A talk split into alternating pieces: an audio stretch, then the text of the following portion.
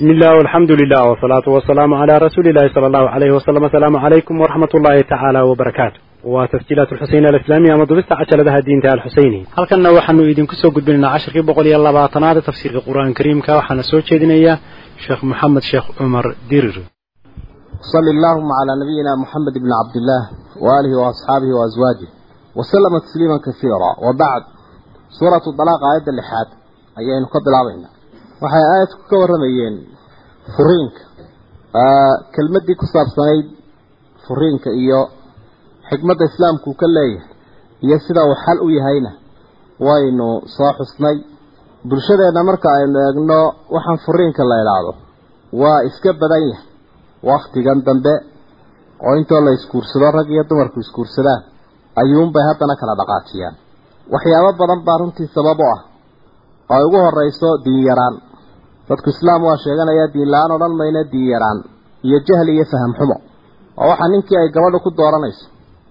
Ama gabadhu ninku gabadha uu ku dooranayo marka hore. Ayaan diin iyo akhlaaq iyo qiyam ahayn. Ama reer hebela ku guursado. Ama wuxuu ku guursanayaa kiishadeedoo weyn. Ama iyadiibaaba ugu xidhanaysa dhaqaale dabeedna wixiibaa si si noqonaya oo silanaanaya waanu tilmaamay nebigu calayhi salaatu wasalaam guurka aan diin lahayn ama xulashadiisu aanay diin iyo akhlaaq ahayn. Inuu ku dambeeyo burbur. Waa mid jira oo la dafiri karayn. Mushkiladda kale ee runtii muuqanaysaa waxa weeye kaalintoodii raggu ay howlgab ka noqdeen. Amniyaduna xaqiiqaha jir oo dee ilaahay baa waxuu til xuquuqda u qaybiyey suuratu nisaa baynu ku soo marnay. Ragguna inuu dee kaalin leeyo uu buuxinayo. Alrijaalu qawaamuuna cala annisaa bima fadala allahu bacdahum calaa bacd wa bima anfaquu min amwaalihim eeraad baa ilaahay ragga uu siiyo mas'uuliyadda hawshan iyagu saaray. Wa bima anfaquu min amwaalihim. Waxyaabaha ay ku fadli badan yihiin bay ka mid tahy in mas'uuliyaddii dhaqaale reerka la saaray ninka. Maxaa lagu wada joogayaa see wada soconaya. Hadduu maalin oo dhan maqan yahay habeen oo dhan hurdayo. Oona ogeyn xaaskii waxay ku nool yihiin iyo carruurtii inay waxbartaan iyo inay fiideo galaan inay isbiirto cabbaan waxalla wuxuu ka warhayaa aanu jirinba. Waaba laga yaabaaba inuu iyada ka sugo iyadoo carruurtiina u haysa inay raashinkana siiso jaadkana ay ka bixiso. Oo intuu raashinkii ka cuno xaafadda kolay ay dul fadhiidana u idhaa dee mijintana igu dur low samaxti adoo raalliya mijintana ay raacin. Qaarkood raalliba noqon ma idhaahdaan xoogbaada kaga qaadaan way dhacday waanu arag taasina waa mushkilad jirta raggii oo kaalintoodii gabay. Oo xaqiiqaan runtii la dafiri karayn. Markay taasi timaadana dee waa laga yaabaa gabadhi inay muddo sabirto muddo sabirto dabeedna aysa soo taagto. Marka ay dirgan weydo wax badan badan badan oo raga oo xoog leh oo aan xanuun haynin oo hadduu wax kala daayo kuuriga uu galo labaatanka kun uu u soo bislayn karayo ayaa uu iska boolatiigayaa hebelluu dabadhow yahay uu raacayaa hebello kaluu la sheekaysanayaa gidaar buu ka geerarayaa u fadhiyaa kullu dalik waa mushkilad heeraha burburisa runtii oo aynaan dee aynu arkayno mushkiladaha qoyskan inta faraha badan burburinaya waxaa ka mid a qaadka qaadku waa urarada waxa weeyaan mujtamaceennan mushkiladaha ugu waaweyn wey isaga iyo qabyaalada iyo waa mushkiladaha u waaweyn runtii. Dadku waa wax lagu ibtileeyay oo markaasaa dabeetna intay iska isticmaalaan mas'uuliyiintii iyo culimadii iyo acyaantii. Ayay dabeetana ama odhanayaan waa quud awliyo ama iska dayn kari mayno waa laynagu ibtileeyey kaasi waxba yaan laga hadlin. Wixii kale un ha laga hadla kolle la dayn maayo kaasi. Ingiriis baa maca gaadhigiisii ku riday badda oo siyaad baraa joojin kari waayo. Waxaynu sheekh joojinayna kaasimaha waa lagu ibtilaysan yahay. Wixii kale un ha laga hadlo. Wixii kale un adiga arkayo etoobiya wasaaraddeeda maaliyadda waxay ku faanaysaa labaatan milyan oo dollar inuu sanadkan ka soo galay. Labaatan waa cashuurtii hadda. Intii la siistay maxaad u malaysay? Intii la siistayna hadalkeeda badaa waa mushkilad dhaqaalo jirta. Mushkilada caafimaad baa jirta oo dhakhaatiirta waxay wada qirayaan. Qaybaha mukhadaraadka inuu baalku yahay oo aanu xataa qaybta khamriga ahayn majmacu lfiqh oo culimada muslimiintu dhowr iyo sagaashankii ay isugu yimaadeen sacuudi arabiya diraasad bay sameeyeen oo dhakhaatiir bay u direen. Dabeedna waxaa la helay gruubka daraagiska inuu bahalku yahay oo xataa khamriga aanu gruubkiisa ahayn. Sidaa darteed ba khamrigana haddii ay qof ku qabtaan shan habeen ay xidhaan kana shan sano ay xidhaan. Leanna waxay ka duulayaan fatwadaas taxliilka iyo diraasadda shaybaarka ah ee dhakhaatiirtu ay soo sameeyeen. Ayaa laga duulaya wax fara badan baa maanta weliba waxa ku sii kordhay sunta lagu soo buufinayo dhakhaatiirtii maskaxda neerfaha waxay wada qirayaan in waxaan dadku ay la wada waasheen. Dadka wada xaragoonaya indhaha fataatiirta leh ee gawaadhida shiidaya lala yaabsan yahay. Maskaxdoodii baa runtii uu saameeyo waalidaa jirta. Marka mushkiladda qaadku waa mid qoysaska burburisay oo aan la dafiri karayn diintii buu daran yahay dhaqaalihii buu daran yahay akhlaaqdii cibaadadii waxba ma reebin quudka awliya astaamaha noocaas ee aafaadka ah ma laha ma laha marka uu qofku xaraaraysan yahay dee waa iska macruuf inaanu gabadh iyo caruurtoona eegaynin uu odhanayo horta lafahaaga ka fuur yeeloo dabeedna uu iska qaadanayo jintiisa marka taasina waa mushkilad kaloo jirta. Waxyaabaha iyaguna la odhan karo malaha waxbaa ka jiri kara waxaa ka mid a dumarkoo runtii qaarkood iyagoon baahi badaniba ay haynin aanay haynin ay dabad baxaan ama siyaasad ha u baxdo ama ha u baxda hay'ad samafalo ay ka shaqayso iyadoo lagaba yaabo ninku inuu masaariif u helayo. Waanay dhacdayba heedaha qaarkood inay dhiiri geliyaan. Qoysasku inay kala tagaan. Way dhacdaayo kaar baa la siiya gabadha marka la furo. Sidaanu aragnay. Kaarkaasi macnaheedu waxa weeyaan waxa loo aqoonsayay gabadh la furay. Gabadh la furay haddii ay tahay hawl bay fuliso wey sidii shaydaanka. Shaydaankii ku farxi jiray ee macnaha dadka kala taga ku hambaliyeyn jiray ciddii oreesha kaa soo fulisay asxaabtiisa ka mid a dabeedna waa in amaahda loo badiyaa iyo taageerada liannahu waa la dulmiyayey markaa nafteedii bay xodaysay marka mushkiladahaasi dee in xal loo raadiyo mas'uuliyiintana waa u taallaa ummaddana way u taallaa runtii. Waana dee cudurin haye caafimaadkiisa aan la sheegay in loo hogaansamunbay waxaa haddaba aayaadka ilaahay uu ka warramay tabaaraka wa tacaala waynu halkaa hore ku soo marnay gabadhii cadadbaxa tirsanaysa ayaynu soo aragnay siday u cadadbaxayso cadadbax bay dhahaan soomaalidu ya alcidda ayaa la yidhaha carabi ama fiq alislaami sida qur'aankuba uu tilmaamay. Wixii xuquuq ay lahayd gabadhii la furaydaa ilahay oo halkan ku xusay. Markaasaa waxau ihi askinuuhun. Dumarkii waxa aada dejisaan buu ilahay yihi min xaytu sakantum. Halkaa idinku degantiin. Oo min wujdikum awooddiinna iyo hayntiinna ah walaa tudaaruuhun ha kadeedina oo dumarkii ha dhibina marka ay guryaha idinla degayin litudayiquu calayhin. Si aa u cidhiidhi gelisaan ay meeshii uga cararto taasiyay dhicin. Wain kunna haddii ay yihiin ooryaha la furay ulaati xamlin kuwo oo uur leh fa anfiquu calayhin biiliya.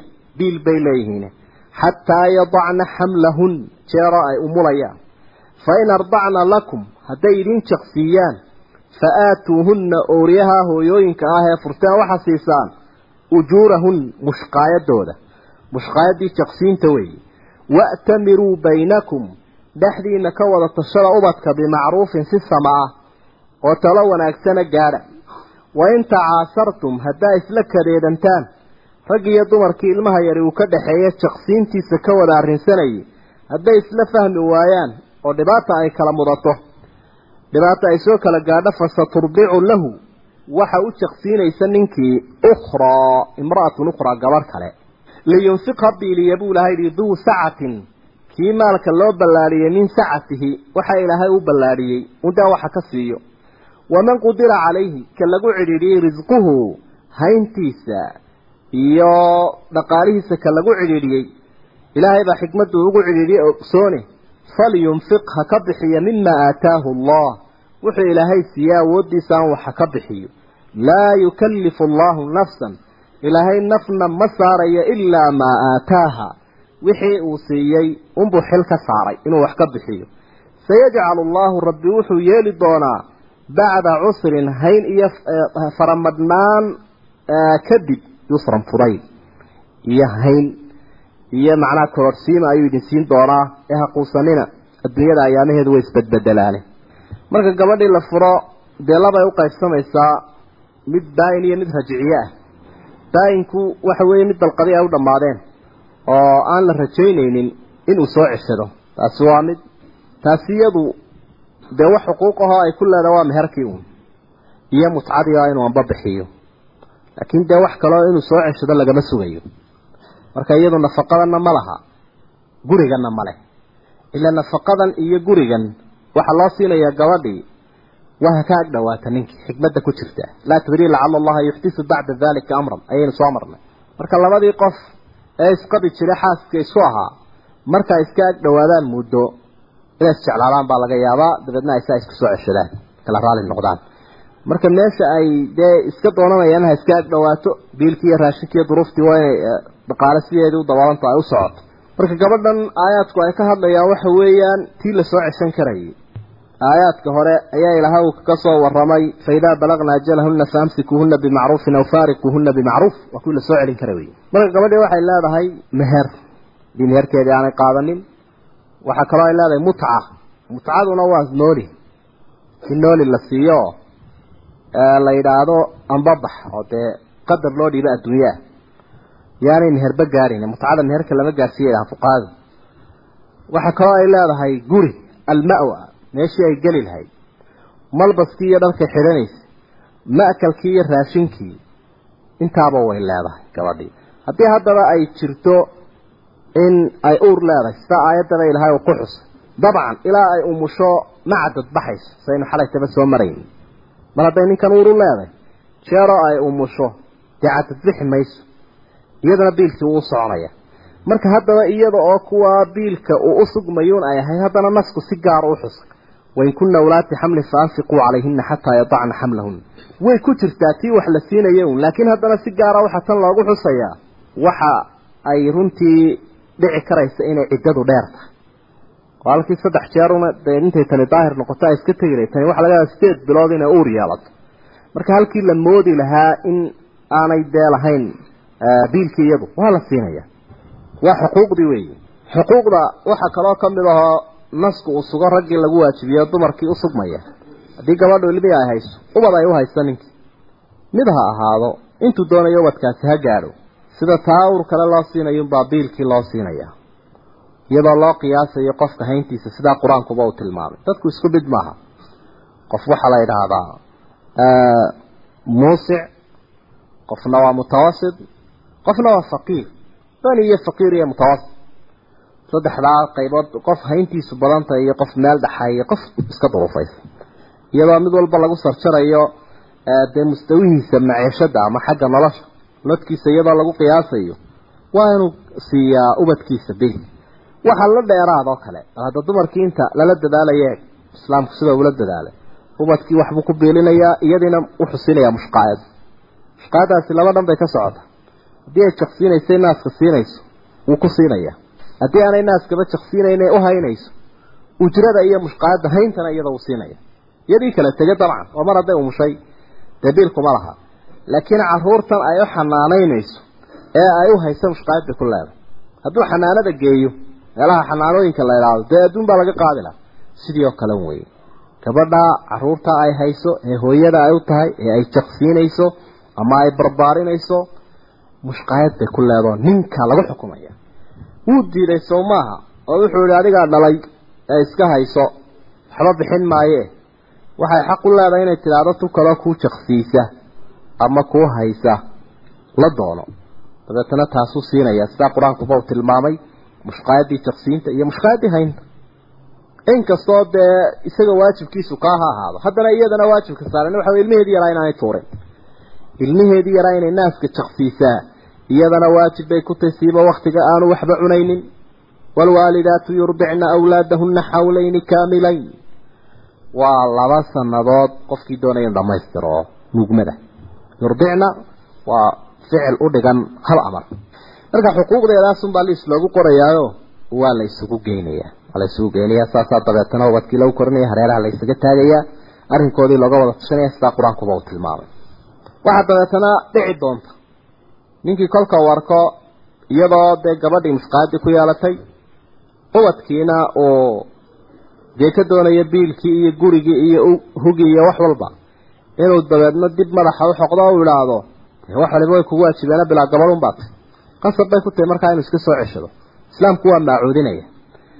In la kala tago waa la soo celiyey saynu daaira daa'irat alaaq ayaa la soo celiyey askinuuhuna min xaysu sakantum min halka aada degantihiin dejiya min wuddikum awooddiina iyo karsidiina yaa qudhigeedu waa xikmado. Inay iska ag dhawaadaan way wanaagsanta maqsinuun baanay wada gelaynoo dee way kala maqsin bay ahaanaya. Inkasta oo haddii masalan uu u galmoodo oo galmaba ay ka dhacdo taa qudhigeeda rajciye ah aymo badani way ku tegeen taa sina noqon mayso. Haddii gabadhii u galmoodo rajciyada ahay intaanay cadad bixin sina noqon mayso aymo badan baa waxay ku tegeen taa laftigeedu inay noqonayso soo ceshi ayaabay noqonaysa. Oo soo ceshigaa qowlna noqda bay leeyihiin ficilna noqda. Oo ficilkiisana wuxuu sheegaya inuu soo ceshaday midda kale gabadhani inta ay ku jirto muddada aanay cadad bixin lahaa xukmu zawja.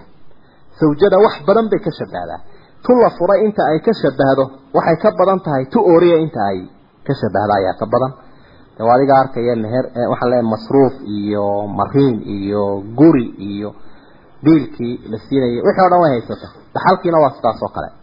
Dhaxalkiina waa sidaas oo kale.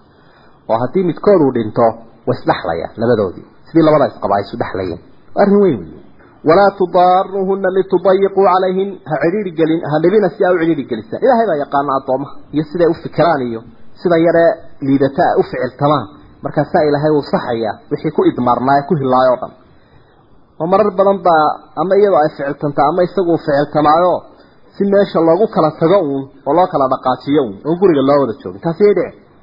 Wain kuna wlaati xamlin faanfiquu calayhina xataa yadacna xamlahun haddii markaa ay yihiin kuwo oo uur lana dee bihiliya ilaa inta ay mulayso markay ha dhowto umushana dee waa kan xaggana loo sii gudbay kolkaana. Fain ardacna lakum faaatuuhuna ujuurahun hadday idin jaqsiyaanna biilkooda siiy ujradii iyo mufqaad.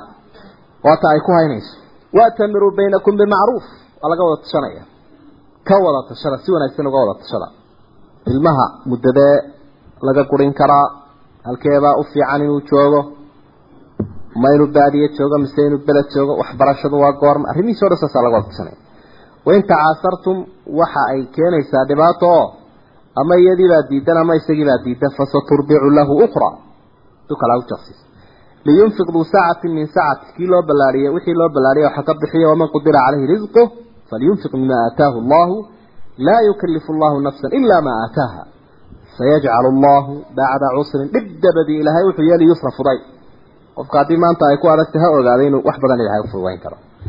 Sidaasaa markaa islaamku uu u nidaamkii guurka iyo furiinkaba iyo xuquuqdii labada qof ay isku lahaayeen wakaayin badanaa buu ilahay yidhi min qaryatin magaala catad kibirtay can amri rabbiha wa rusulih ilaaheedii iyo rusushii uu soo dirayba amarkoodii ka kibirtay catad kibirtoo santaagtay ilaahay wuxuu fariya rusushu waxay fareenba way ka kibirtay faxaasabnaaha xisaaban shadiidan xisaab kulul ama adag ayaanu xisaabnay ilaahay baa la xisaabtamay oo macnaha u cuqubeeyo wixii ay sameeyeen iyadoo lagu dabagalay wacadabnaaha cadaaban nukran waxaanaanu cadaabnay cadaab adag oo qalaad cadaab aanu qofku marna raalli ka noqonayno adag baa ilahay u cadaabay fadaaqat waxay dhadhamisay wabaala amriha arrinkeeda qalaarkiisi wa kaana wuxuu noqday caaqibatu amriha arrinkeeda cidhiftiisii khusraa guuldaro ayay noqotay ilaahay baa sidaa tilmaamo diin la'aanta waxa la ah ilaahay rususha ugu soo dhibay hadday diidaan. Ee uu ka mid yahay kan qoysku. Kan qoysku hadduu ee uu ka mid yahay hadday diidaan. Balaadaasunbaa u dambaysa cuqubada iyo cadaabka. Iyo wabaalul amr oo qur'aanku uu tilmaamayaana mid aakhirana uu noqdaa mid dunyawiyana uu noqdaa nolol xumada iyo diiqa iyo kadeedka iyo dadkoo jiilka soo kacaya iyo qarnigii soo korayay ee badbaadin lahaa oo ka xumaado. Raasamaalka weyne waa dadke. Waxa weeye guuldarro runtii wax la mid aanu jirin wey acadda allahu lahum rabbi wuxuu diyaariyey cadaaban shadiidan cadaab kulul oo adag. Fattaquu llaha ilaahay ka cabsada yaa uli lalbaab dadka caqliga lahow aladiina aamanuu kuwii ilaahay rumeeyayow ilaahay ka cabsada. Marka jiimkaasi wuxuu tilmaamaya inay inta hore israacayso. Fattaquu llaha yaa uli lalbaabi aladiina aamanuu. Ilaahay ka cabsada dadka aqoon-yahanka ah ee mu'miniinta ahow saasaa ilahay uli cidda ilaahay ka cabsanaysa waa cidda caqliyad wanaagsan leh waa cidda iimaan leh. Waasaa ilahay aqoon u qiray tabaaraka wa tacaala. Qad anzala allahu rabbi wuxuu soo dejiyey ilaykum idinka dikraa qur'aan baa ilahay idiin soo dejiyey. Rasuulan wa arsala ilaykum rasuulan. Rasuulna wuu idiin soo diray. Rasuulkaasoo intaasoo baraka iyo khayra idiin leh. Marka dikrigu wuxuu ka mid yahay magacyaasha qur'aanka.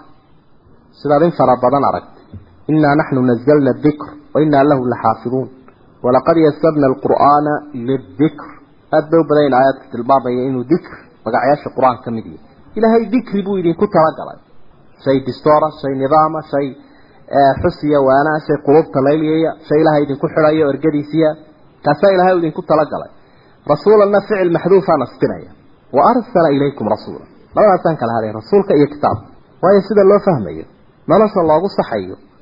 nolosha loogu bedelayo kitaabkan loogu bedelayo waxayna tusoo tusaale inoogu ahaa nabiga calayhi salaatu marka aimo badan baa waxay marayaan dikran iyo rasuulan inay bedel isu noqdaan. Qad anzala allahu ilaykum dikran ayuu idiin soo dejiyey rasuulan. Ayuu idiin soo diray. Laakiin in ay kala gooniyiin baa fiican oo ficil maxduuf fi rasuulkaasoo yatluu calaykum aayaati illaah. Ilaahay aayadihiisa idinku dul akhriyay mubayinaatin iyagoo cadcad liyukhrija aladiina aamanuu wacamiluu asaalixaat dadka alla rumeeya camalka fiican falay si uga saaro min adulumaati gudcuryaalka ila nuuri iftiinka iimaanka si ugu saaro. Oo rasuulku diintii dadka wuu baray. Dadka waanu badbaadiyey. Wuxuu ka badbaadiyey dulumaadka ah. Iftiinka iimaankana wuu gaarsiiyey. Waman yumin billaahi wayacmal saalixan cidda ilaahay rumaystay camal fiican fashay yudkhilhu wuxuu gelin doonaa rabbi. Oo uu ku casuumayaa jannaatin beero tajrii min taxtiha alanhaar hoosteeda wadayaashii ay qulqulayaan khaalidiina fiiha abadan. Weligoodba way ku waarayaan. Meeshaa cidi kuma haysto lagamana saarayo masaafo ma jire. Weligood way ku waarayaan. Qad axsana allahu ilaahay baa wanaag u wanaag sameeyey lahu kaa risqan xagga raashinkiiyo arsaaqada alla u wanaajiy ilaahay wuu u samafalay. Qofkaasi wixii uu cuni lahaa uu ku casuumnaa waa wax ilaahay wanaajiyey qad axsana allahu lahu risqan arsaaqadiisa ilaahay kaa u wanaajiye uu janno geliyey. Dalika fadlullahi yuutiihi man yashaa. Wallahu du lfadli cadiim. Allahu ilaahay aladii ilaahay weeye. Waxay aayadku caddaynayaan inu intoo dhan dhan ba ilaahay karo inuu nidaam dadka u sameeyo inuu rasuul u soo diro inuu kitaab u soo dejiyo inuu aakhiro janneeyo sacaadata daarayn adduun iyo aakhiraba inuu insaanka saa ilaahay u horu mariyo u baraareeyo isagaa kaloo dee awooddan uu leeyahy allahu ilaahay aladii khalaqa ilaahay abuuray weeye sabca samaawaat toddoba samu abuuray wa min alardi milahun dhulkana intaa in leeg buu abuuray marka misliyada waa iyagoo kale kolka la leeyahay sida markaa raajixa waxa wey in la idhaha toddoba iyaguna oo dhulkiina isaguna waa toddoba ducadii nabiga calayhi salaatu wasalaam waxay ahayd marka uu meel mansila dego ayaa duco ilaahay uu ku magan geli jiray matal matal hadduu socdaaliya ama magaalaba uu soo dego ducooyin buu akhrisan jiray اللهم إني أعوذ رب السماوات السبع وما أضلت ورب الأرضين وما أقلت ورب الشياطين وما أضلت كل جارا من خلقك كلهم جميعا من أن يفرط علي أحد أو يبغى علي عز جارك وجل ثناؤك لا إله غيرك ولا إله إلا أنت أو كما قال دعاء سيبا كمل هاي مرك رب السماوات السبع وما أضلت ورب الأرضين وما أقلت ضلالك إله ربك وهو حديث واسمعية وحكفي ka sii waadixsan xadiidka kale bukhaari iyo muslim ku sugan ee uu nabigu uhi calayhi salaatu wasalaam man dalama qiida shibrin min alard tuwiqahu min sabci ardiin qofka qaatee dulmi iyo gardarro ku qaata taaka qadarkeed oo dhul ah waxa ilaahay uu qoorta u geliyaa sida tusbaxa maalinta qiyaamaha toddoba dhul toddoba dhul baa intii laga soo fujinaya dabeetana dee adaa doontoo qaato ee qoorta gasho wey min sabci ardiin toddoba dhul. Ayaa markaa nasku sheegay. Wa min alardi milahun markaa iyadiina inay toddoba tahay baa nasku faa'iday dhulkii yatanazalu lamru baynahun. Arrinka ilaahay wuu soo degayaa baynahuna dhexdooda. Cirkiiyo samooyinka samooyinka dhexdooda iyo dhulka dhexdiisa iyo samooyinka iyo dhulka dhexdooda. Qorshaha ilaahay baa ka socda.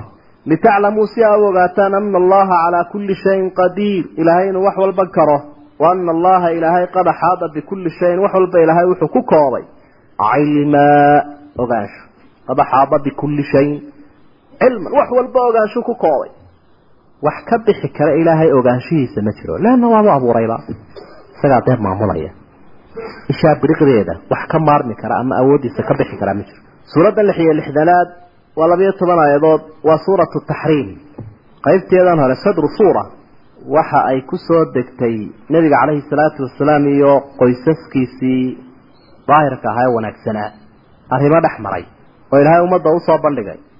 Dumarkana lagu canaantay nebigana lagu canaantay calayhi salaatu wasalaam. Canaan dabacsan oo lagu toosinayo oo uu ka muuqdo raalli noqosho ilaahay inuu ilaahay ka raaliyo oo nabiga calayhi salaatu wasalaam canaantiisa waa sixidun iyo takriim iyo maamuus laakiin ku xumayn maaha cafa allahu canka waaba ilahay uu kaga bilaabay. Ilahay waaba kaa cafiyeyda. Cafa allahu canka lima adinta lahu. Maxaad ugu ogolaatay waa laga cafiyey cafiskaada la soo horreysay. Waa akhbaar dhex martay laba ooriyood oo dumarkaa ka mid ah iyo nebiga calayhi salaatu wasalaam waxaana qisadu muujinaysaa nebi maxamed waxyigii loo soo dhibay inaan waxba qarin. Yaa ayuha rasuulu balliq maa unzila ilayka min rabbik. Ilaahay wixii uu ku soo dhibay gaarsii waanu hadduu wax qarinayana waxyaabahan isaga iyo qoyskiisa iyo sheekooyinkoodii iyo hanshashaqoodii ku saabsanaaye ayuu qarin lahaa. Waanu dadka u soo bandhigeen. Maadaam wuu yidhi iyo way tidhiba halkan la soo bandhigay. Hadalkii isaga islaamihiisa dhex maray. Oo ilaa qiyaamaha la akriya aanu qarinin. Diinta ilahay sideedii buu nagu soo gaarsiiyey nebigu calayhi salaatu wasalaam kadalika qisadii zayd iyo zaynabo dhex martay iyo zaynaba markii uu guursanayay nabiga suurat laxzaab aynu ku soo marnayna saasoo kale iyaduna ahay. Waid taqulu liladii ancama allahu calayh wa ancamta calayh amsik calayka zawja watukfi fii nafsik ma allahu mubdii watakhsha annaas wallahu axaqu an takhshaah bal ka waran markaad ninkaa muslaxaysa aada wax qarqarinaysa dadkana aada iska eegaysa ilahay baa ku habboonaa inaad iska eegto cabdullahi bnu cabaas wuxuu ihi muddo ayaa igu yar taagnaa tafsiirka qaybtan hore ee suuratu taxriim aad baan ugu kuurgeli jiray oo u dhuuxi jiray qur'aanka iyo tafsiirkiisa saxaabigaas dabeetana dee nin yarna uu ahaa cumar bin khadaab radia allahu canhu ayaa muddo doonay bui inaan weydiiyo maalin baan fursad u helay buui annagoo safar ku jirna ayaan meel gaara isula baydhnay oo aan weyse ugu shushubay oo markaasu weysaystay oo intii baan ka gaarsiiyey aan isku goonina noqonay halkaasaan idhi ui cumarow hal su'aal baan ku weydiinaya labadan dumar ahee suuratu taxriim bilowgeeda ilaahay uu kaga waramay in tatuubaa ila allahi faqad saqad quluubukumaa wain tadaahara calayh laba halkaa ilahay kaga warramaya waryihii dumarka. Bal labadaa iga warram markaasuu yihi waa cajaban libni cabaas ibnu cabaas la yaabay. Manaa dee inantii sidaa ku jirto arrinkii soo galay. Kolkaa nawcama taabiciga ka sii warinaya wuxuu le in yaroo karaahiye ah. Ama aanu raalli ka yar noqon baa ka yar muuqatay waar ibna cabaas ma i weydiisay buuri. Ma i weydiisay. Macnaha soo gudubtay oo iweydiisay buuri taa haatan u dhaadhacda. Kolkaa dee ma qarin karaa cilmiye uga jawaabo wuxuu ihi waa xafsata wa caaisha inantii aan aabbaha u ahaaye xafso iyo in abubakar sidiiq oo caaisha ah. Labadaasu qur'aanka ka sheekeeyey. Dhacdo dheer buu markaa qisa inaan wakti uhayn ayuu uga warramay axdaadta sida ay ku timid. Laba sabab baa jira. Mid shuhradiisaa badan oo mufasiriintu aada bay u qoraan. Midkoodna sanadkiisa aada u ansaxsan. Sababka hore wuxuu leeyahy nabigu calayhi salaatu wasalaam maalin maalmaha ka mid ah ayaa xabsi ay ka fasax qaadato gurigii waalidkeeda ay tagtay. Dabeetana addoon uu lahaayo maariyo la odhan jiray ayaa gurigeedii timid oo halkiibuu kula kulmay. Rag iyo dumar wixii dhex mari jiray ayaa dhex maray. Dabeedna waxaa meeshii timoo ku soo gaadhay gabadhii qoyska lahay aqalka lahaydoo xabsa. Way furtuurtay iyadoo calaamantay nabiga caleyhi salaatu wasalaam. Tilmaantayna inuu xaqiray ama aanu miisaan badan siinin mar hadduu islaam kale halkan keensaday xalaalba ha u ahaatee. Siduu u keenaa wey hinaasaa nabigu calayhi salaatu wasalaam arrimahan oo kale inay baxaan uu jeclaysanoo uu ka dhaaftay inaanu dib ugu tegaynin iyana ay warka halkaa ku joojiso mamay sii joojinina caasho oo aqalkeedu kaag dhawaabay ku garaacday albaabka. Naa ku bushaaraysa lugtaasina way naga hadheen lugtaana lug hadhay dhabaj midaasina inagu dirsadayna iyo inaga sii hadhayoo wuu ku dhaaftay warkii kolkii uu sidaa ku faafay ayaa loo sheegay nebigana markaa xafso wuxuu kula shuruutay cid ha u sheegay iyana caaishay u sheegtay isagana ilaahay baa u sheegay in warkii xabsi sii sheegtay isaguna xabsi u sheegay uli soodiga sheegay qisadu saa waa lagu sheegay taasi shuhradeeda badan ta labaadna waxa ay ku sugan tahay saxiixa oo waxau nebigu soo mari jiray calayhi salaatu wasalaam xaasaskiisa isagoo ka soo warhelaya kolba tawle mooye kuwa kale soo baraydinaya ama arrinkooda iyo duruuftooda soo ogaanaya saxaabiyadda zaynabo la idhaahdo ayuu caadiyan soo mari jiray iyaduna waqaqo gaara ama gunno yaroo gaar ay siin jirtay. Malab yaroo wanaagsan ayay siin jirtay oo uu ka soo cuni jiray nebigu. Udkoonka iyo macaankana aad buu jeclaa. Halkaynu inagu qaraarka iyo qarmuunka jaadka iyo sigaarka aynu ka jecla udkoonka iyo macaanka aad buu jeclaa malabkaa wuu soo cunaa wuu soo dhaafa caaisho iyo xabsa way ogaadeen arrintii. Way u koodheenoo dabeedna waxay yidhaahdeen sidaynu uga erinaa ama aynu uga didinaa nebiga calayhi salaatu wasalaam islaanta waa ku maran yahay si gaar uga warhaya waxay tidi adigu marka uu ku yimaado waxaad tidhaahdaa ma gumar baad soo cuntay akalta makaafiir makaafiirku waa geed dhadhankiisu waa iska fiicnaado haddana laakiin ur leh. Ma gumar baad soo cuntay uun dheh intiibay midii uu ku soo horreeyey ku tiri. Tii kaleu ku dambeeyeyna way u raacaysa dabeetana wuxuu arkay waxa la sheegayaa inuu jiro wuu ka dhaartay malabkaa isaga inaan dibsaynaba uga cunin. Isagoo aada u nabcaa wixii ur leh. Leannu calayhi salaatu wasalaam waxaaba asxaabta ku lahaaba raashin tooni ay ku jirto idinku cuna. Basaliya ay ku jiraan tooniyo idinku cuna anigu ma cunaye oo maxraamba maxaad dee u diideen annaga nagu soo riixday? Haddii ay yidhahdeenna waxaan la faqayaa buui cideedaan la faqay. Waa dee malaa'igta ilaahay ayaa waxigii u keenaysa markaa sharaabkaa iyo malabkaa uu ka dhaartay ayay iyaguna isugu warrameen sidii markii hore oo kale. Ayay isugu warrameen zaynaba inay xidhiidhkeedii gaarka ahaa halkaa ku joojiyeen. Arrintu dhinac kale kolka laga eego waxay tilmaamaysa in nebi maxamed calayhi salaatu wasalaam si uu tusaale ugu noqdo isaga iyo xaasaskiisu si ay bulshada kale tusaale ugu noqdaan. Ilaahay bashar buu ka dhigay. Ilaahayna ma aha malaa'igna ma aha waa bashar. Basharkaasi qoyska ah ee wada jooga waxay tusaale u yihiin dadka dambe iman doona o dhan. Wixii axkaame laga faa'idaysanayo arrinkoodu sida uu noqonayo umuurta sida loo saxayo iyagaa laga dayanaya dacdooyinkan oo dhami wax badan bay saxayaan wax badan ayay saxayaan oo nebiga laga dayanaya calayhi salaatu wasalaam. Inaanay dadkani dee malaa'ig ahayna khaladka sida loo saxay iyo wixii yimaada iyo hinaasu inuu jiri kara iyo xad inuu ku egaado iyo oo inuu meelaha qaarkood inuu gaadho aanay ahayn iyo wax badan baa markaa tusaale inooga ah. Arrintaasina tallabaad ba hedo sanadkeeduna iyadana waa saxeex marka labadaba way sheegaan kutubuhu labada arrimoodba oo dhacay. Waxa uu nebigu iska xaaraantinimeeyeyna ama waa addoontiisa maariin la odhan jiray amaba waxa weeyaan sharaabkaa wanaagsanaaye labada dumarhi ay uga dayriyeen ay ka dhaqaajiyeen. Taxriimkaasina waa ka dhaarashada uu ka dhaartay. Ee uli dib ugu noqon maayo. Waana lagu caanto oo xalaala in la xaaraantinimeeyo maya. Qofku haddii uu xalaala ka dhaarta ama wax wanaagsan oo samayntiisu ay fiican tahay inuu sameeyo oo kafaara gud inuu bixiyo wey. Sidana ilaahay uu ku abaabulay nabigaba calayhi salaatu wasalaam. Siba sidii baanu yeelayo wixii uu ka dhaartay uu sameeyey. Ama ha ahaato gabadhii ama sharaabki kafaara gudda waa sameeyey. Xalkiina sidiibuu ku dhammaaday. Waxaana ilaahay halkan uu xusuusiyey ooriyaha nabiga calayhi salaatu wasalaam yaro cidhiidhi geliyey. Inuu col badan leeyahy nebigu. Ilaahay iyo awliyadiisaba dad badan inuu leeyahay. Oo haddii ay yaro cidhiidhi iyo diiq geliyaan xildhibaadkiisa iyo gurmadkiisa uu badan waa laga dhici. Bismi illaahi araxmaan araxiim yaa ayuha nabiy nebi maxamedow lima tuxarimu maxaad isaga xaaraam yeelaysaa maa axala allahu laka wuxuu ilaahay kuu xalaaleeyey waa labada midkoodun garatay haata sababu nusuulkood fahamtaa waxay ka qayb tahay tafsiirka aayaadkood fahamto haddii iminka sababu nusuulka aanad u dhaadhicin oo aanad fahmin waxaa laga yaabaa waxa loo jeeda iyo siday u socotaba inaanay hore kugu bixin aayad lidalik baa culamada ka warrama fanniga la ydhaha culuum lqur'aan waxay tilmaamaan qayb weyn inuu ka yahay fahamka aayaadka iyo tafsiirkooda. Sababahay ku soo degeen oo la garto. Wakadalik sababu majii'i lxadiid xadiidku nebiga ka sugmaya sababtu ku yimid ee uu ku soo arooray ee nebiga ka keentay oo iyadana la ogaadaa. Waxa weeyaan iyana xadiidka in la fahmay qayb kate oo siduu qur'aanku asbaabu nusuul u leeyahy ayuu xadiidkuna u leeyahay asbaabu wuruudi alxadiid sababou nebigu u sheegay arrintan inkasta oo la isla waafaqsan yahay qaacidada usuuliga ah ay macnaa loo badan yahay. Alcibratu bicumuumi lafdi laa bikhusuusi sabab. Waxaa la eegayaa waa naska caamnimadiisa laakiin ma aha sababtii uu ku soo degay inuu ku garay inta badan waa saas.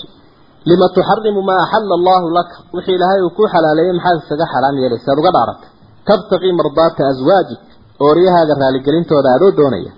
Ooridaada adoo doonaya labadaada ooriyood inaad raaligeliso maxaad uga dhaaratay wallaahu gafuuru raxiim ilaahay baa dembiga dhaafoo naxariisto simbirixada lagaa dhaafay qad farada allaahu lakum.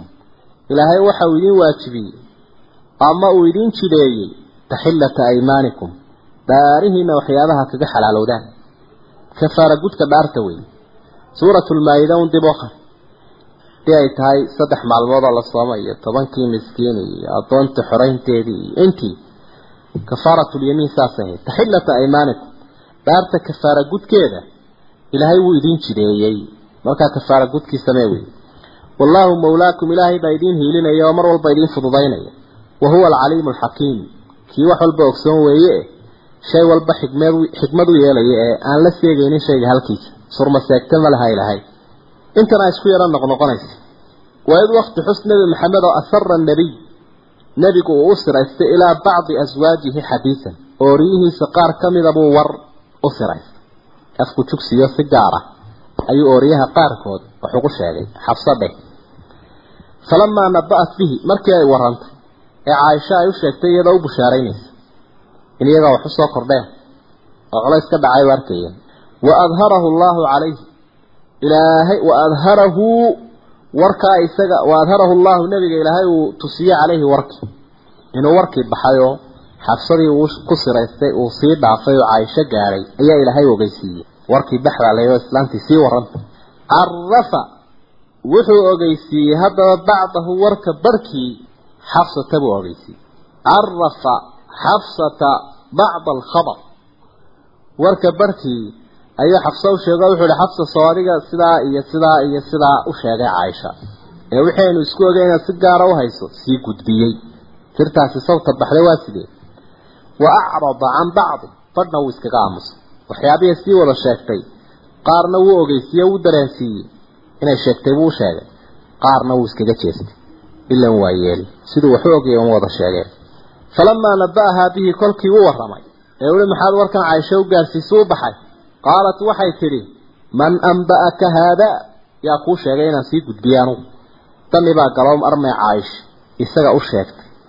ayaa is tidhiyo matii aad ku siraysatay baa isaga soo gaarsiisay. Dareen noocaasa baa galay. Markaasay su'aasha habkan u soo dhigtay. Man anba'aka haadaa yaa kaaga warramay inaan anugu warramay. Qaala markaa nabigu ilaahay baa waxa uu yihi qaala nabigu wuxuu yihi ilaahay baa dee ka warinaye naba'anii waxa ii warramay. Haddaan nebi maxamed ahay alcaliim. Ilaahay wax walba ogsoon. Alkhabiir ee xogagaalka ah. Ilahaas ii warramay. Saas ugu jawaabay. Aayadda waa macnay macnihii waxa uu noqday nebigu dumarka qaarkood buu war u siraystay warkiibay sii warrantay kolkaasaa ilaahay ogeysiiyey inuu warkii baxay. Dabeetana tii warka bixisee sii daysay ayuu u sheegay oo uu ogeysiiyey uhi warkii maxaad u warantay? Badhna wuu sheegay badhna uu iskaga aamusay. Kolkii dabeetana taa uu ogeysiiyey bay tihi yaa kuu sheegay ilaahay baa ii sheegay. Isweydiin baa dhacday wey isagu markii hore mid buu gaarsiiyey tiina ti kale sii gaarsiisay. Isagana ilaahay baa soo gaarsiiyey isaguna tii sii daysay buu haddana su'aalay iyana way su'aashay saasay ku qanacday. In tatuubaa ila allahi haddaa ilaahay u toobad keentaan oo u soo noqotaan labadiinaa dumarii nebiga waa cidhiidhi geliseene faqad shaqat quluubukumaa qalbigiinu waa leexday. Faqad maalat quluubukumaa qalbigiinu wuu leexay macnaheedu ina arrinaa ka toobad keentaan waa geysateen wey mar haddii qalbigiinu leexday nebigana cidhiidhi geliseen isku celcelintaas ilaahay uu ka warramayna ay timidba waa wax mudan inaad ka toobad keentaan. Towbadaasi waa mid istaahil oo habboon wey mar haddii qalbigiinu leexday wain tadaaharaa calayhi haddaa isu kaashataan labadiina tadaaharaa alifku waa alifu ithnayn waa labuu tilmaamaya.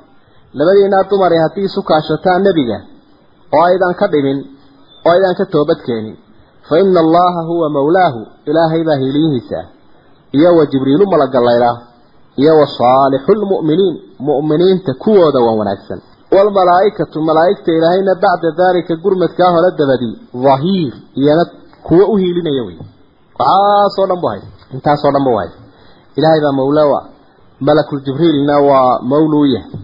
Malaa'igtuna dhahiir bay u yihiin. Dhahiir waa xoojin iyo gargaar. Saalixu lmu'miniin mufradna wuu noqon karaa. Jamacna wuu noqon karaa.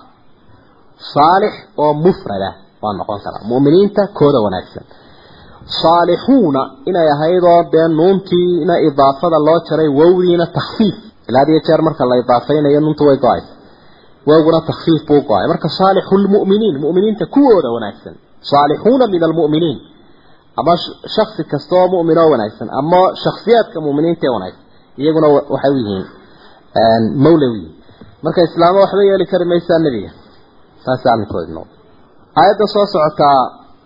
yeeli kari maysaa nebiga taasi arrinkoodi noqdo aayadda soo socotaa waxa waafaqay cumar ibn khadaab sida isaga laftiisuba ku tilmaamaya xadiidkaa saxiixa radia allahu canhu oo markii arrinkani uu soo baxay waxaaba gaadhay inuu nebigu furay oorihiis. Dabeetana nebiga calayhi salaatu wasalaam waanu imid buuri kolkaasaan wuu noo fasixi waayey aniga iyo abaka cadhada uu ka qaaday. Neefs buu ka noqday nebigu calayhi salaatu wasalaam dumarkaa waa ka cadhooday dabadeedna waa kii akhiiran u ogolaaday. Waa ki qisada marar hore aynu soo marnay waa kii cumar nebiga ka yaro qosliye ka farxiyey. Warkiina wuu furfurnay oo xadaatay inaanu furin. Kolkaasuu dumarkii la hadlay cumaro wuxuu leeyahay hadduu idin furo ilaahay wuxuu idin wuxuu u bedeli doonaa nebiga oo loo soo kordhin doonaa idinka rayn doona dumar tilmaamahan leh casaa rabbuhu in ballaqa kunna an yubdilahu aswaajan khayran min kunna muslimaatin mu'minaatin. Intaa aayaddu ay sheegtay buu cumar akhriyay iyadoona aayaddu soo deginba kolkaasaa sidii uu cumar u sheegay aayaddu ku soo degtay marka muwaafaqaatu cumar baa la ydhaha ilaahay baa cumar waafaqay la odhan maaye. Cumar baa ilaahay waafaqay weeye ama qur'aanka waafaqay. Leannahu ka cumarna waa mid gadaal yimo xaadisa ka ilaahayna wuu horreeyey. Oo ilaahay iyo sifadiisa qur'aankiiba waa qadiim dar horreeye weeye. Cumar iyo arrinkiisuna gadaal buu ahaa. Sidaa darteed ereyga ha yidhaahdo oo mulham buu ahaa mid sawaabka la waafajiyo. Isagoo ha la horeeyo intaan aayaddu soo degin ha ku dhawaaqo. Laakiin de aayaddu way sii jirtay waa sifadii ilaahay sidaa darteed baad arkaysaa cumar wuxuu ilaahay ku waafaqay iyada oo culimadu ay dee leeyihiin. Isaga laftiisuna wuxuu leeyahy waafaqtu rabbii ilaahaygaan waafaqay buu leeyahy sa saxdaa wey markaasaa dabeetana ilaahay aayaddan uu soo dejiyo rabbi waxau ihi casaa rabbuhu ilaahays waxa uu xaqiiqo ku yahay in dallaqa kunna haddii uu idin furo nebigu an yubdilahu inuu u dooriyo aswaajan ooriyo khayran min kunna idinka idinkaba wanaagsan dumar yahow ku celceliya hadalka nebiga. Dumarkaa loo bedelayo oo muslimaatin mu'minaatin. Labadaas sifa iska leh. Islaamnimo iyo iimaanba leh. Iimaan qalbigooda ku sugmoo qara leh. Iyo islaamnimo xubnaha ay ka sameeyaan.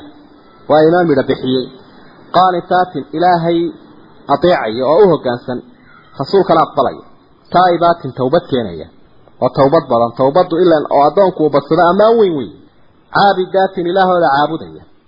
Saa'ixaatin soom badan.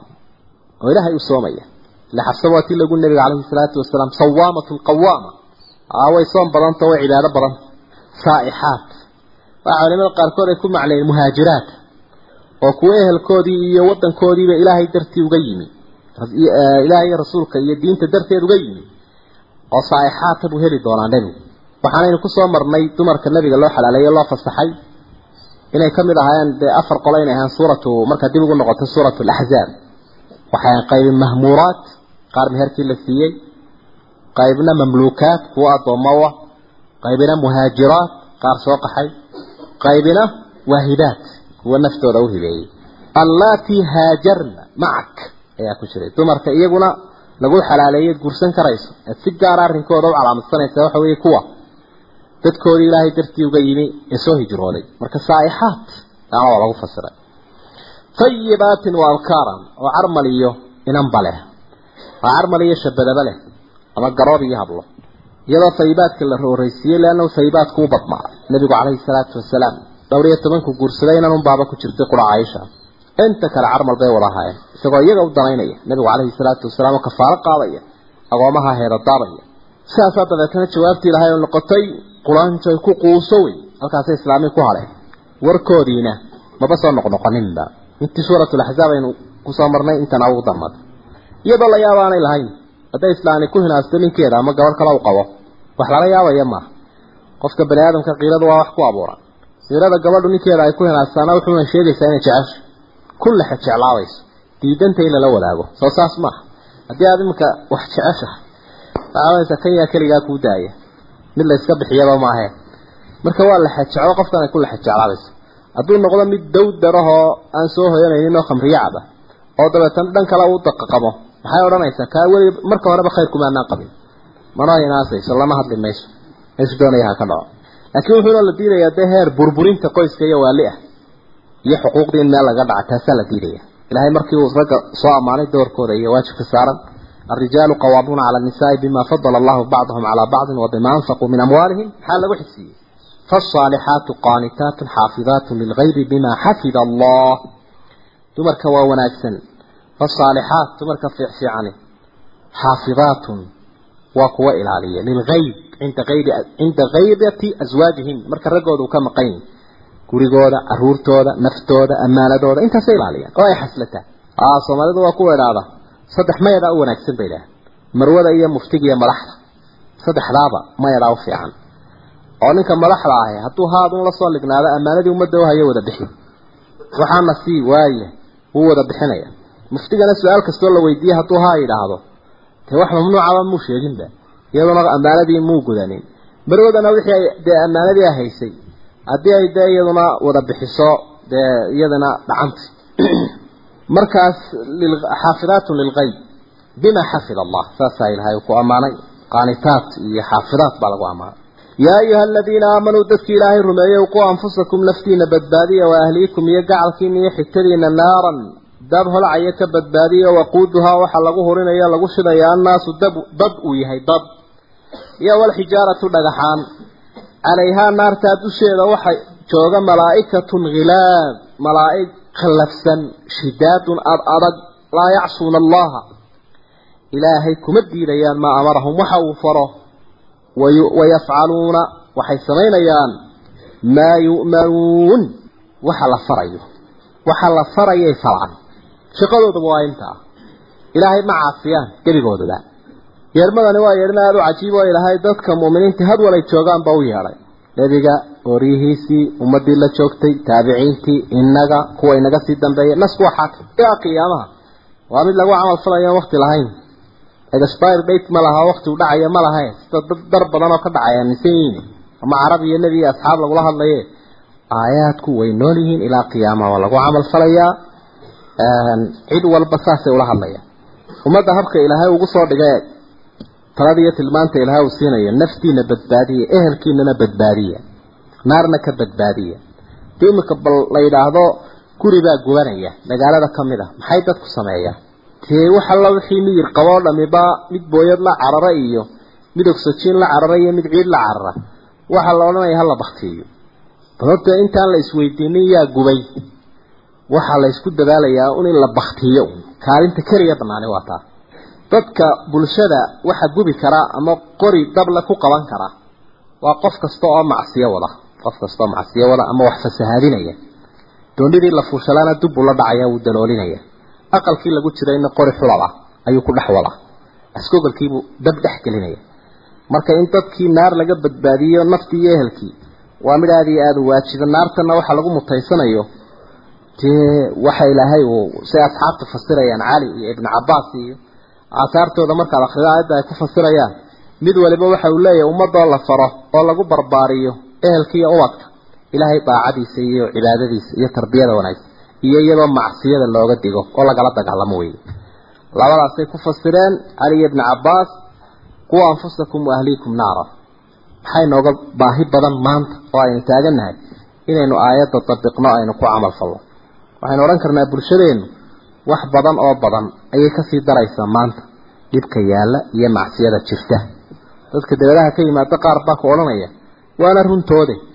Saddex sano sidaa ahaydeen iyo maanta saatiin waa ka sii darteen xagga diin ahaan diin ahaan haddii amni la helo iyo khayr dee waa sayfun duuxadayn waa seef laba af oo dadka khayrkuna khayrkay uga faaidaysanayaan kii diin wada kii dacwad wada kii tacliim wada kii dhismo wada kii shar wadaana sharku uga faaidaysanaya isaguna afku buuraya taagaya waa dimuqraadiyad buu leeyahy in habeenkii la tunto hudheelada laga tunto iyo in habluhu dhajis isku dhajiyaan ay dhakada qaawiyaan ay iscadeeyaan iyo in ragga iyo dumarku ay mafrisho samaystaan oo khamriga aada loo cabo oo dabeetana la marqaamo.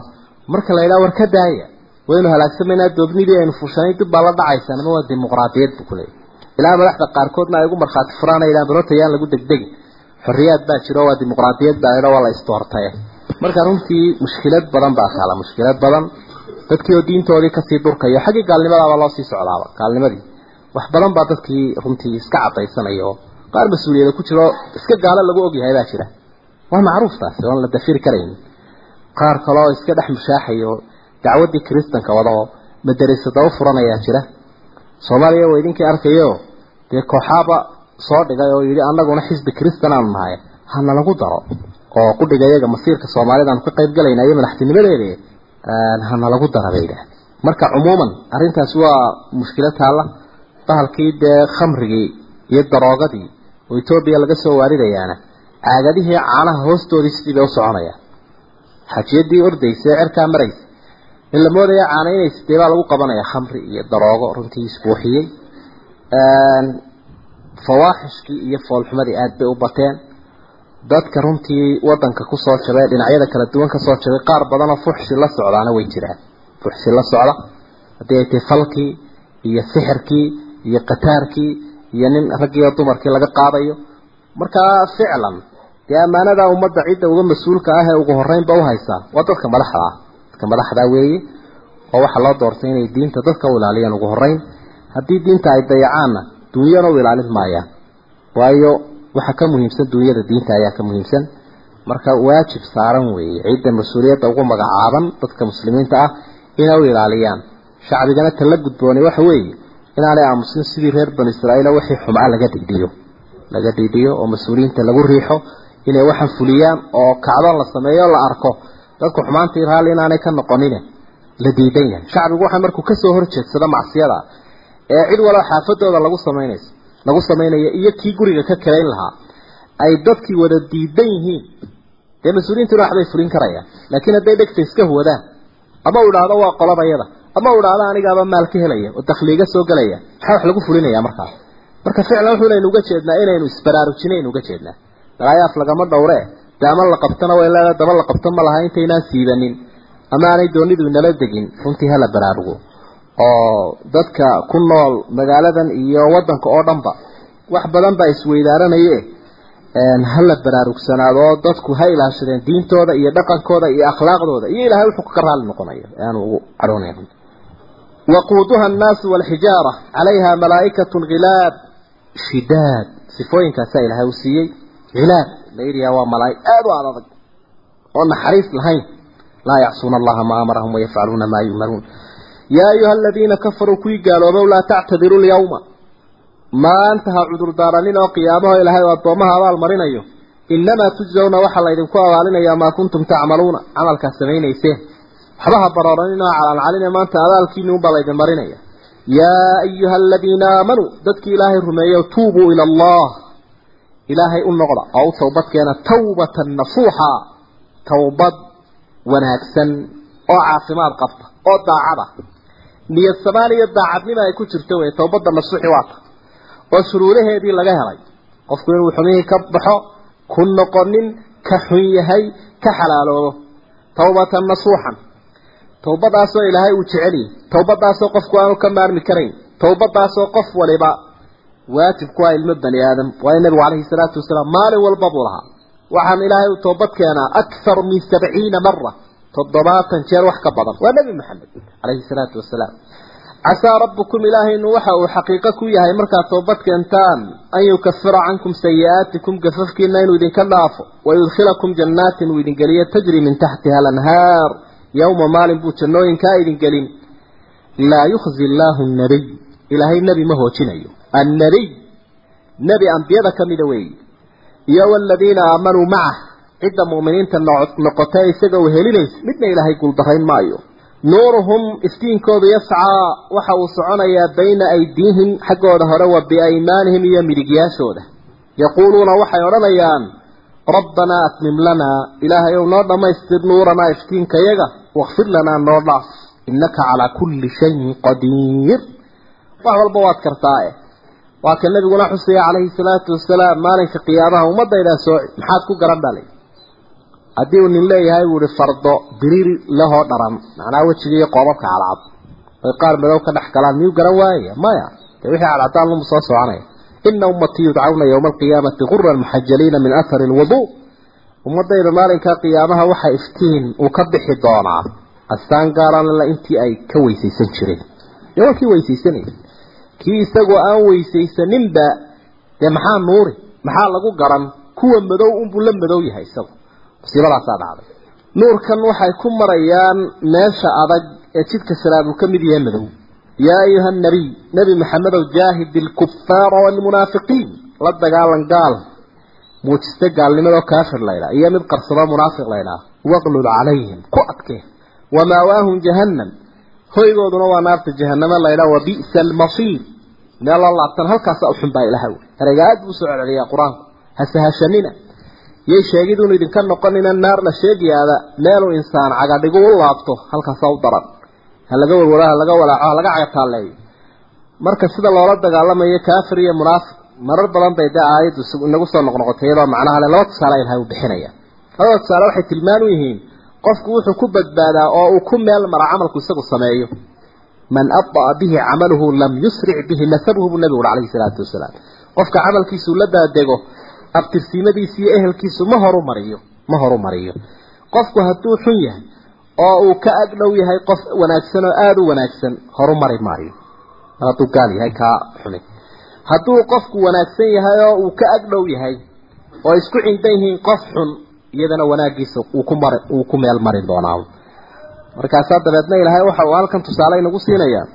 Ambiyada qaarkood oo dumarkoodu ay gaalo ahaayeen dumarkooda way halaagsameen ooriyo wanaagsanaayo rag faajiriin ay qabeen sida fircoon oo kale oo oryihii ay nabad galeen bal ay noqdeenba dumarka dumar oo dhan ugu fadli badan. Marka dad ilaahay waxa uu kaga raali noqdaa isaga ay ugu dhowaadaan maaha tirsimada maaha adduunka maaha ammaanta ma aha ehelka laakiin waxa weeye camalka. Addoomuhu siday ilaahay u kala xigaan iyo siday ugu dhow yihiin iyo siday u kala wanaagsan yihiin waa taas weeye. Marka labadan tusaale ayaa ilaahay u bixiyey daraba allahu mathalan ilaahay tusaale wuxuu ka dhigay liladiina kafaruu kuwii gaalada ahaa. Tusaale wuxuu uga dhigay imra'ata nuuxin wa mar'ata luud. Nebi nuux iyo nebi luud labadoodii xaas kaanataa taxta cabdayni. Laba addoon bay hoos joogeen ay ooriye u ahaayeen. Min cibaadina addoomaha iyaga wanaagsan addoomaha iyaga ka mida saalixayn oo wanaagsan. Laba addoon oo wanaagsan addoomaha ilaahay ka mid oo laba nebi ayaa labadaa xaas kala qabay fakhaanataahumaa way khiyaameeyeen khiyaamadan jumhuurulmufasiriin waxay leeyihiin maaha mid sina ahe waa mid gaalnimo ah. Dad diin kala haystay noqdeen. Falam yugniyaa canhumaa waxba labadii nebi kamay talin min allaahi shay-an. Ilaahay xaggiisa waxba ugamay talin. Labadii nebi way badbaadin kari waayeen markuu ilaahay kuwan qabtay. Waqiila waxaaba la yidhi udkhulaa gala annaara gala maca adaakhiliin kuwa gelaya idinka oo raacaya. Labadii dumar ahaa naartay galeen kuwii naarta galay bay la galeen. Labadii nebi may badbaadinin marka sidaasaa qofku qof wanaagsan haddii uu ka ag dhow yahay isagu laakiinuu xun yahay. Aragti arrinkiisu noocaa wey nabiguna calayhi salaatu wasalaam markii ay soo degtay waandir cashiirataka alaqrabiin dad badan buu u yeedho ehelkaa inantiisii faadima uu yeedho wuxu uhi yaa faatima laa ugnii canki min allahi shay-an. Saliinii min maali maa shi't xoolahayga ay weydiisay intaynu ifka joogno laakiin aakhiro ilahay waxba kaagama tari kara haddaanad hagaagin. Ina nebi maxamed baan ahay kuma badbaadi kartid